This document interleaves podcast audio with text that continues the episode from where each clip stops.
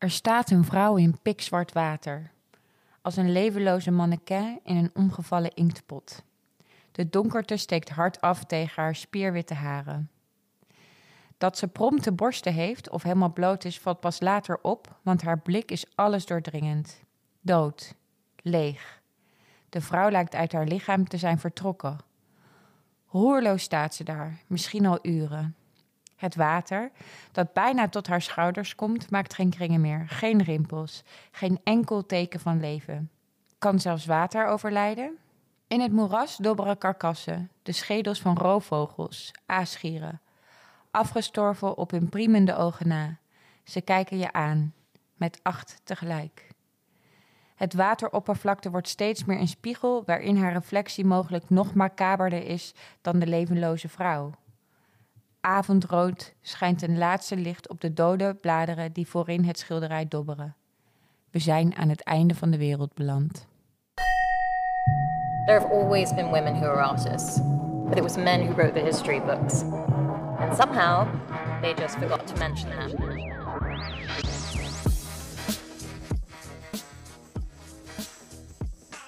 Welkom bij Naakt op een kleedje, de podcast waar we altijd praten over één kunstwerk. Ik ben Heske ten Katen. En ik ben Yukiko. En tegenover mij zit Diewertje Heuvelings. Met wie we gaan praten over Leonore Fini's schilderij The End of the World uit 1949. Waar je net al een beschrijving door Heske van hoorde. Voor we beginnen, een korte introductie van wie Diewertje eigenlijk is. Diewertje, goed dat je er bent. Dank je. Ik leerde je online kennen, ik denk zo'n twaalf jaar geleden, toen ik je blog volgde, Ration Mag. Een blog over kunst en cultuur die je met vriendinnen schreef. En ik kende je nog helemaal niet in het echt. Jaren later, ik denk rond 2014, toen de muziekindustrie door een hele interessante transitiefase ging. Toen zat jij op een hele interessante plek. Je werkte voor Spotify en je beheerde zo'n 100 afspeellijsten. En zo kwam ik je eigenlijk weer tegen, omdat je in de kranten vaak stond, om, om een quote werd gevraagd om hierover te vertellen. En je bent muziekliefhebber en muziekkenner. En je bent net terug uit New York, waar je na je baan bij Spotify naartoe verhuisde voor een baan bij Sony Music. En je tekende net hier in Nederland een contract voor een roman bij uitgeverij Das Mag. Een roman over de muziekindustrie, als ik het niet verkeerd heb. En nu zit je eindelijk tegenover ons in het echt. Dus heel erg leuk. En Heske die zei het net al, het schilderij dat je gekozen hebt is met een blote vrouw in het water. En de vrouw lijkt eigenlijk uit haar lichaam te zijn vertrokken. Roerloos staat ze daar, misschien al uren. Wat zie jij als je naar dit werk kijkt? Ik heb Leonore leren kennen omdat zij uh, een van de modellen was van een foto van Bresson. Als ik die naam goed uitspreek. Ja, een hele bekende fotograaf, Franse fotograaf van de vorige eeuw. Ja, ik vind dat heel mooi werk. En het schilderij wat de hoogste veilingprijs ooit heeft gehad, is die foto van Leonore. En zij, uh, die foto, daar is ze uh, in een soort van omhelzing met haar benen rondom de, de, de, het middel van haar uh, op dat moment vriendje. Ze ligt in het water met haar, met haar hoofd naar achter en uh, haar armen gespreid. Dus je ziet zijn rug en je ziet haar als een soort van zichzelf overgeven aan de natuur en hem. En het eerste wat me opviel was hoe mooi haar borsten waren. Het, het is best wel een soort van perfecte borsten die ze heeft. Uh, vooral voor die tijd. Uh, nu zijn we best wel gewend aan. Ik dacht echt, die zijn niet borsten. echt, ja, toch? Maar die waren dus ja, echt, ja. ja. En deze, dit schilderij heeft diezelfde perfecte borsten. Daardoor zag ik meteen dat zij het was. Heel goed. Je herkende um, er niet aan haar gezicht, maar aan iets anders. nee, want haar gezichten zijn vaak hetzelfde in haar ja. schilderijen. Het is ja. vaak een soort van perfectie en schoonheid die um, veel mensen saai kunnen zouden vinden. Maar die ik best wel interessant vind, omdat het altijd een vorm van... Um, eenzaamheid en, en, en leegte weergeeft. Wanneer iets heel perfect, wanneer een gezicht heel perfect en mooi gemaakt is. Uh, ik vind dat ook altijd in, in real life bij modellen eigenlijk zo. Dat het vaak een eenzaamheid uitstraalt wanneer iemand iets te perfect is. Ja, dat het geen rauw randje heeft. Ja, en, en, en, maar Leonor had dat wel in haar gezicht. Dus ik vind het wel interessant dat ze zichzelf niet per se zo geschilderd heeft. Uh, de titel sprak me heel erg aan, omdat dat iets is waar ik uh, eigenlijk best wel veel mee bezig ben. Het einde van de wereld. Um, en ook het feit dat de schedels die in het water liggen, dat die zouden moeten symboliseren dat het uh, haar, uh, haar, haar, verlies van vruchtbaarheid moet uh, voorstellen. Ja, het is natuurlijk ook wel, het is een surrealistisch schilderij. En um, surrealistische schilderijen zijn natuurlijk altijd wel zoekplaatjes, Mhm. vol symbolen. Welke symbolen zie je hier nog meer in? Ehm, nou, die, de weerspiegeling van haar, die natuurlijk nog, wat, je, wat, wat Heske net ook al zei, nog net iets eh eh naargeestiger is dan al haar, het, beeld van haarzelf. En ehm, ik heb het mooie aan, aan, aan symbolische of, of, of surrealistische schilderijen of sy- symbolisme is dat je ook vaak op kan zoeken wat iets betekent. En blijkbaar het patroon in haar ogen stond ook voor de zoektocht die ze naar zichzelf had op dat moment. Eh, ik weet dat zij eh, eh, in haar privéleven, toen het net uitging met haar relatie met een, een, een graaf die ehm, bij de fascisme had gezeten en waar ze hem dan uit heeft gepraat. En dat, dit, de schilderij is daarna ook gemaakt. Dus het kan ook te maken hebben met haar privéleven en waar ze op dat moment in stond. Surrealisme voor mij is een heel interessant, hele interessante stroming, omdat het is waarmee ik kunst ben gaan leren eh, liefhebben. Eh, ik eigenlijk kijk nu heel weinig nog naar surrealistische schilderijen, of heb ik ook niks op mijn computer wat daarop lijkt, of iets in mijn huis. Eh, veel van de kunst die ik mooi vind is heel minimalistisch en heel abstract. Maar ik denk niet dat ik daar ooit had kunnen komen als ik niet als achtjarig meisje door mijn moeder aan de hand werd genomen en voor een Dali-schilderij werd gezet en er precies werd uitgelegd wat er, wat er op het schilderij stond en wat het betekende. Als mijn moeder niet die moeite had genomen om de verhalende kant van kunst te kunnen laten zien, dan had ik ook denk ik niet de verbeelding gehad om dat voor mezelf in te vullen later bij meer abstracte kunst. Want hoe is die, hoe is die fase gegaan dan? Ik weet, ik weet nog dat ik eh, eh, voor een werk werd gezet van Dali als een kind. En daar was Shirley Temple afgebeeld als een soort van sphinx, draak, leeuw.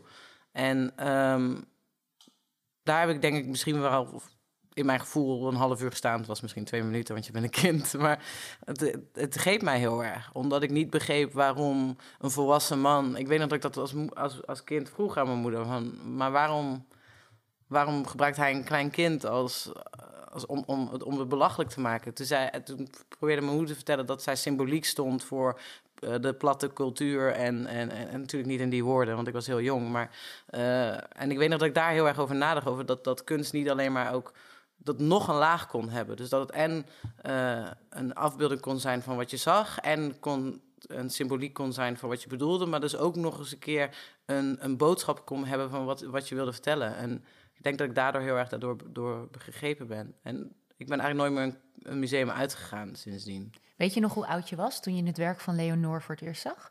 Eh, vorig jaar. Vorig jaar. Ja, 29. Ik baal heel erg, want ik ben er net eens achter gekomen dat zij een expositie had in New York toen ik er woonde in het Museum of Sex. En, Die heb je dus gewoon eh, gemist. gemist, omdat ik pas die foto van Branson pas later heb gezien. Ja. Maar zij is niet een, een kunstenares die vergeten is in de zin van nu misschien wel, maar in de tijd dat zij, dat zij werkte, was zij heel erg succesvol. Zij had exposities in New York, zij had exposities in Londen. Eh toen ze 17 was, ze haar eerste solo-expositie in Milaan. Voor die tijd was dat een extreem eh, succesvolle vrouw. ja, laten we sowieso even luisteren naar wie zij nog meer was. In 1907 wordt Leonor Fini geboren in de hoofdstad van Argentinië. Als ze nog maar een baby is, scheiden haar ouders en verhuist ze met haar moeder naar Italië. In haar puberteit loopt ze een oogziekte op waardoor ze tijdelijk blind wordt. Als ze geneest en het verband van haar ogen afkomt, is ze zo gelukkig dat ze besluit om kunstenaar te worden. Op haar zeventiende vertrekt ze naar Parijs, het epicentrum van de kunsten. Daar ontmoet ze grote surrealisten zoals Max Ernst, Georges Bataille en Pablo Picasso. Al snel wordt ze een belangrijke surrealistische schilder met uitgesproken thema's. In haar schilderijen tref je vaak het onderbewustzijn, erotiek en de dood als macabere ondertoon aan. Er duiken sphinxen, heksen en andere mythologische monsters op in haar kunstwerken, maar Fini probeert weg te blijven van de stereotypen die haar mannelijke collega's plakken op de vrouw. Dat ze van haar vrouwelijke modellen femme fatales maakt, valt niet bij iedereen in goede aarde. Ondanks dat ze dus scherp op de tijdgeest zat, is ze minder bekend dan haar mannelijke tijdgenoten. Er wordt gezegd dat de reden waarom ze ehm, niet zo bekend is als de mannelijke tijdgenoten is omdat of andere vrouwelijke kunstenaressen die in die tijd ook kunst maakten, omdat zij meerdere partners tegelijkertijd had. waardoor ze niet gelinkt was als bijvoorbeeld een Frida Kahlo aan een Diego Rivera. Ah, En ze daardoor niet bekend was als de vrouw van. En gelukkig is Frida nu veel groter dan haar man, tenminste eh, buiten Mexico. Alleen ehm, heeft zij dat dus nooit gehad, omdat zij zich niet... Zij was niet monogaam aan één man. Ze had verschillende... Je kon er niet in het hokje van de vrouw van X stoppen. Nee, dus ze had allemaal mannen. Het was Ja. heel interessant, want ik heb daar nog helemaal ingedoken. Zij had... Dus die man waar ik het eerder over had, die, die, eh, Graaf. die graaf... Die, ehm, ze kreeg daarna een andere partner en daar was ze gelukkig mee. Maar toen ontmoette ze een, man, een Poolse schrijver, schrijver. En die, eh, die had ze ontmoet voor een schilderij. En hij vertelt het heel mooi in die documentaire. Want ze zouden elkaar dan ontmoeten in Rome. En dan zouden ze, hebben ze afgesproken onder een schilderij. Nou, dat vind ik al heel erg romantisch. Ja, Daar word ik helemaal kriebelig van. En hij rook aan de parfum die door die ruimte hing, dat ze er al was. Terwijl hij haar nog nooit ontmoet had. Maar hij wist dat het ze haar parfum zou zijn. En dat vind ik, het geur qua, als liefdestaal, vind ik ook al een heel mooi ding. En toen zag ze hem en toen zei ze, kom je alsjeblieft met mij mee, want ik wil je iets laten zien. En toen liet ze hem een tekening zien die ze van, gewoon uit haar verbeelding had gemaakt, die precies op hem leek. En vanaf dat moment zijn ze onafscheidelijk geweest. En toen is ze er later achter gekomen dat hij de onrechtmatige halfbroer was van haar eerdere liefde, de, gra- de Italiaanse graaf. Oh my god. Ja. Even voor de luisteraars. Heske valt hier ongeveer van de stoel naast me. Dit is crazy. Wat een verhaal. Het is wel... Ik vind het wel grappig, want... eh, ik ben er dus ook net achter gekomen dat je zei parfum, maar eh, dat zij dus naast dat ze schilderde en schreef en kostuums ontworp, ook degene is die het eh super beroemde parfumflesje van Jean-Paul Gaultier, de buste, heeft ontworpen. De Ja. voorloper daarvan. Dus ze is een soort van multitalent die we eigenlijk wel zouden moeten kennen, Ja. anno nu. Maar denk je dat dat ook komt doordat ze gewoon niet in een hokje te stoppen was, Ja. ook qua werk? Jazeker, want ze vond dat schilderen een van de taken was die zij had als Leonore Fini. Het was niet dat zij... eh, zij wilde niet geïdentificeerd worden met één van de dingen die zij deed. Dus ze was een, inderdaad al die dingen die jij zei. Ze was een schrijver, ze was een kostuummaker, ze was volgens mij fotograaf ook nog tijdelijk. Dus het is, het- zij was zichzelf aan het ontwikkelen. En haar man dus, of een van haar mannen in, in, de, in de documentaire, die zegt ook dat ze een carrière als iets beledigends zag. En toen ik dat zag, dacht ik, dit is wel heel tof. Want ik weet nog dat ik in, in New York zat en eh, een carrière op papier had die andere mensen eh, zouden, zouden ambiëren of interessant vinden. Maar eh, ik vond het zo eenzijdig van wie ik was als persoon. En dat, en dat vond ik heel tof aan Leonore, dat zij er eigenlijk gewoon scheid aan had. Dus ik Ja, want jij lijkt ergens ook best wel op haar. Bedoel je niet alleen qua uiterlijk, denk je, ik. ik hoop dat ik zo'n mooie borst heb. Ja. no comment. Eh, maar vooral ook qua hè, het slashy zijn. Het, eh, eh, al die verschillende talenten hebben. Volgens mij heb je ook niet één talent, maar ben je in heel veel verschillende dingen goed. Ik ben ook wel nieuwsgierig of jij voor haar werk gevallen bent omdat je iets van jezelf herkent. Eh, niet bewust. Ehm, ik wel, wel eh, denk onbewust in de zin van eh, een bepaalde vrijheid die zij had en een bepaalde scheid die zij had aan wat van een vrouw verwacht wordt. Nu zijn wij natuurlijk in een andere tijd en er wordt er wat minder van een vrouw verwacht dan in haar tijd. Maar ik heb altijd wel een, een hele diepe interesse gehad in vrouwen die buiten een soort van comfortzone leefden van wat je als vrouw moet zijn in die tijd en niet werden niet in een gekkenhuis werden gestopt. Want laten we niet vergeten dat er eh, nog miljoenen vrouwen zijn geweest zoals Leonor. Alleen Leonor is, heeft de mazzel gehad om niet in een gekkenhuis te zijn gestopt.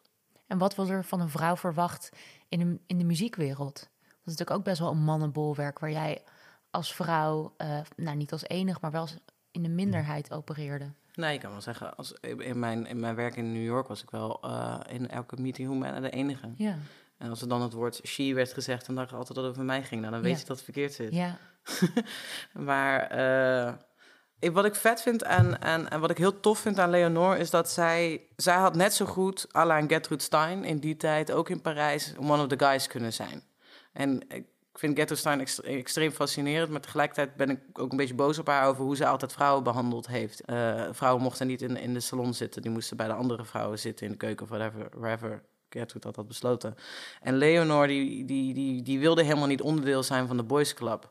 En ik denk dat, eh, de generatie feministen voor ons heel vaak nog dachten dat het feminisme ook was dat je mee moest doen en wat de, spelregels die de mannen hadden verzonnen. En ehm, wat ik tof vind aan Leonore is dat zij niet bang was om alle andere kanten van haarzelf te laten zien. En dat is iets wat mannen vaak zien als iets wat niet betrouwbaar is.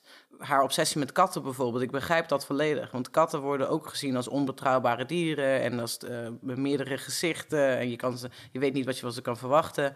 En Leonor was een beetje op op die manier hetzelfde. Ja, je, ziet het, je ziet het eigenlijk ook heel erg in haar werk. Hè? Je had binnen het surrealisme had je eigenlijk een soort van twee kampen. Of je had de totaal enge heksvrouw, de Sphinx.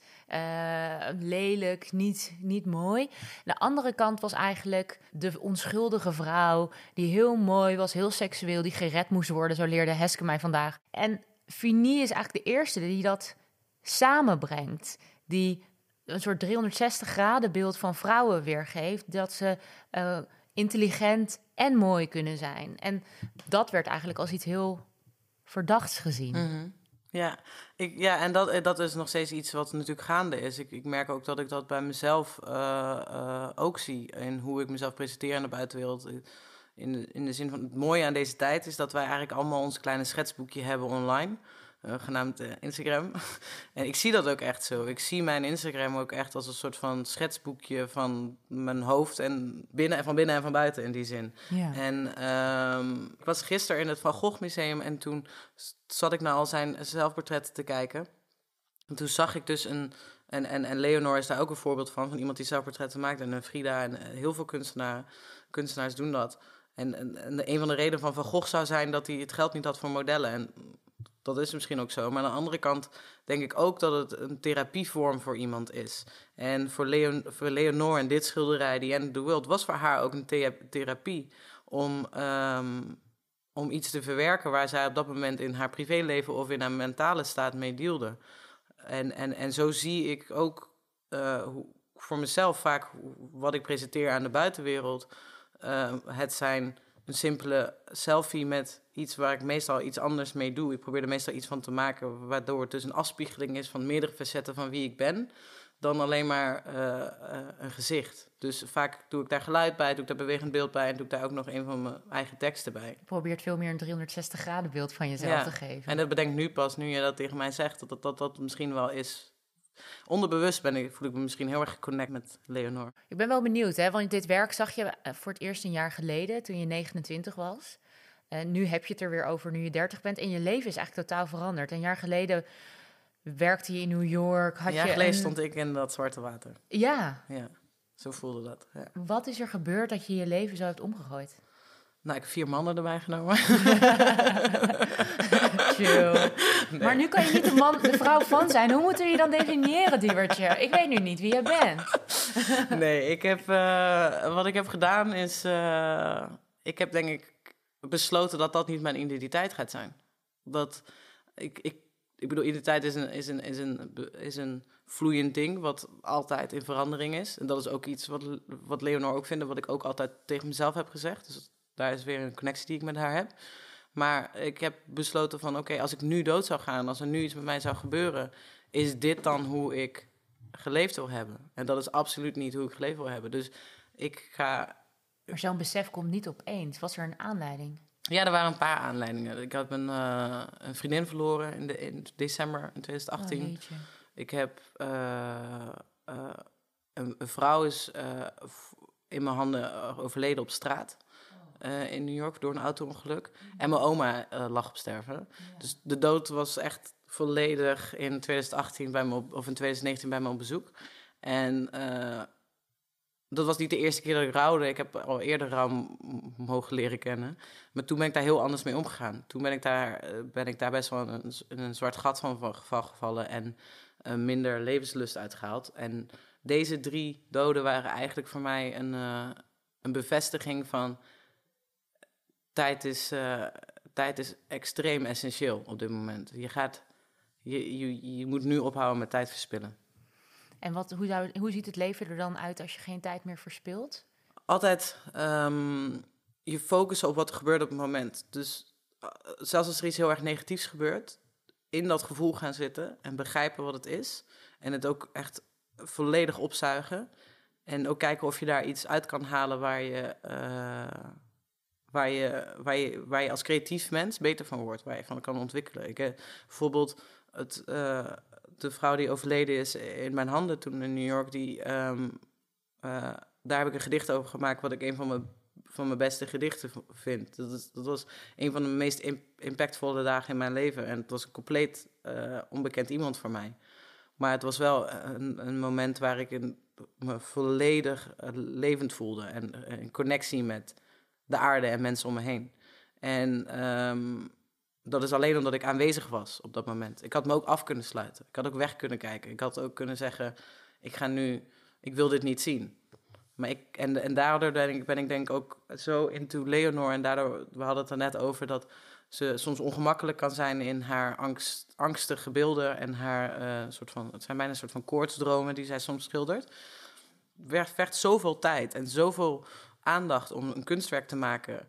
En dan ook nog als het een negatieve sfeer heeft, moet je voorstellen wat voor, voor vibe je dan zit als mens, om daar de in te duiken. En ik vind dat heel knap als je dat kan. Uh, ik durf dat zelf nog niet per se in. Ik, ik heb altijd wel een, een, iets van hoop in mijn, in mijn teksten. Of, uh, ik, ik heb altijd besloten van ik wil voor liefde gaan, niet voor angst. Maar Leonor heeft me iets geleerd waar ik nog nooit over na heb gedacht. Is dat angst is een, um, een product van jouw um, verbeelding. En dat is ook al iets. En daar heb ik nog nooit over nagedacht. Dat, dat, dat als jij iets doet met je angst, dat je eigenlijk iets doet met je. Dat is een antwoord op je eigen verbeelding. Dus je. Ben je dan angst meer gaan waarderen? Ja. Maar wel pas sinds ik echt heel erg in haar ben gaan duiken. Tot, tot een paar weken geleden heb ik daar niet. Uh... Want voor mij valt ook wel, hè, wat je net vertelde, zijn ontzettend heftige gebeurtenissen.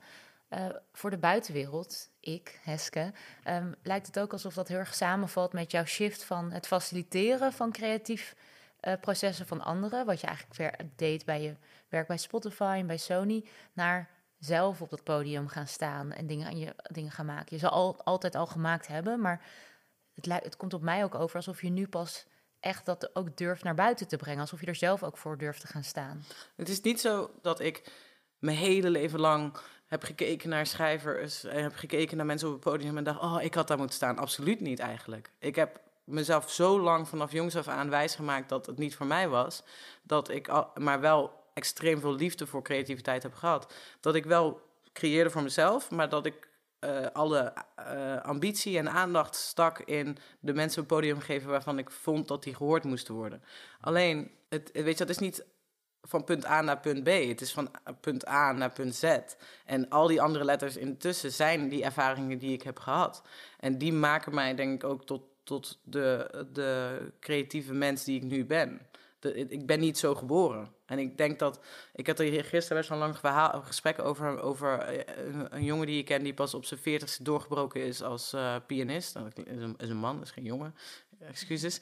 Uh, en, en, toen, en toen vroeg iemand aan mij, maar denk je niet dat dat, denk je uh, dat mensen hem serieuzer hadden genomen als pianist? Als hij op een 15-jarige uh, Chinese jongen was die al vanaf zijn vijfde, weet je wel, achter de piano zat en dat met de paplepel was ingegoten. En toen zei ik, ja, maar dat maakt niet iemand sterker nog, als je daar echt over na gaat denken, als je heel rationeel daarover na denken, dan vind ik diegene minder een pianist jongetje dat geen keus had op zijn vijfde, dan iemand die op zijn veertigste besluit met hypotheek, twee kinderen en een vaste baan en alles. Hé, hey, weet je wat? Ik ben een pianist. Fuck jullie allemaal. Ja, dus dit is eigenlijk een pleidooi tegen niet-lineair denken. Ja. Toch? Dus het gaat meer om, wat wil jij elke dag doen? en hoe zorg je dat je niet uh, verhongert ja. in de tussentijd? Weet je wat er al de hele tijd in mijn hoofd spookt? Is dat jij aan het uh, begin, begin uh, over de titel begon van The End of the World. En ook toen we elkaar deze week even aan de telefoon hadden, uh, hadden zei hij...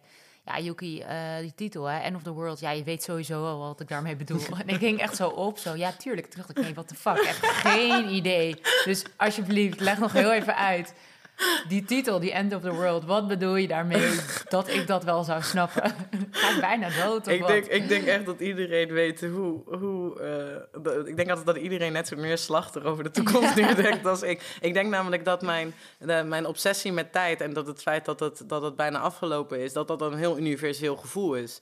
Eh, maar dat, dat is helemaal niet zo.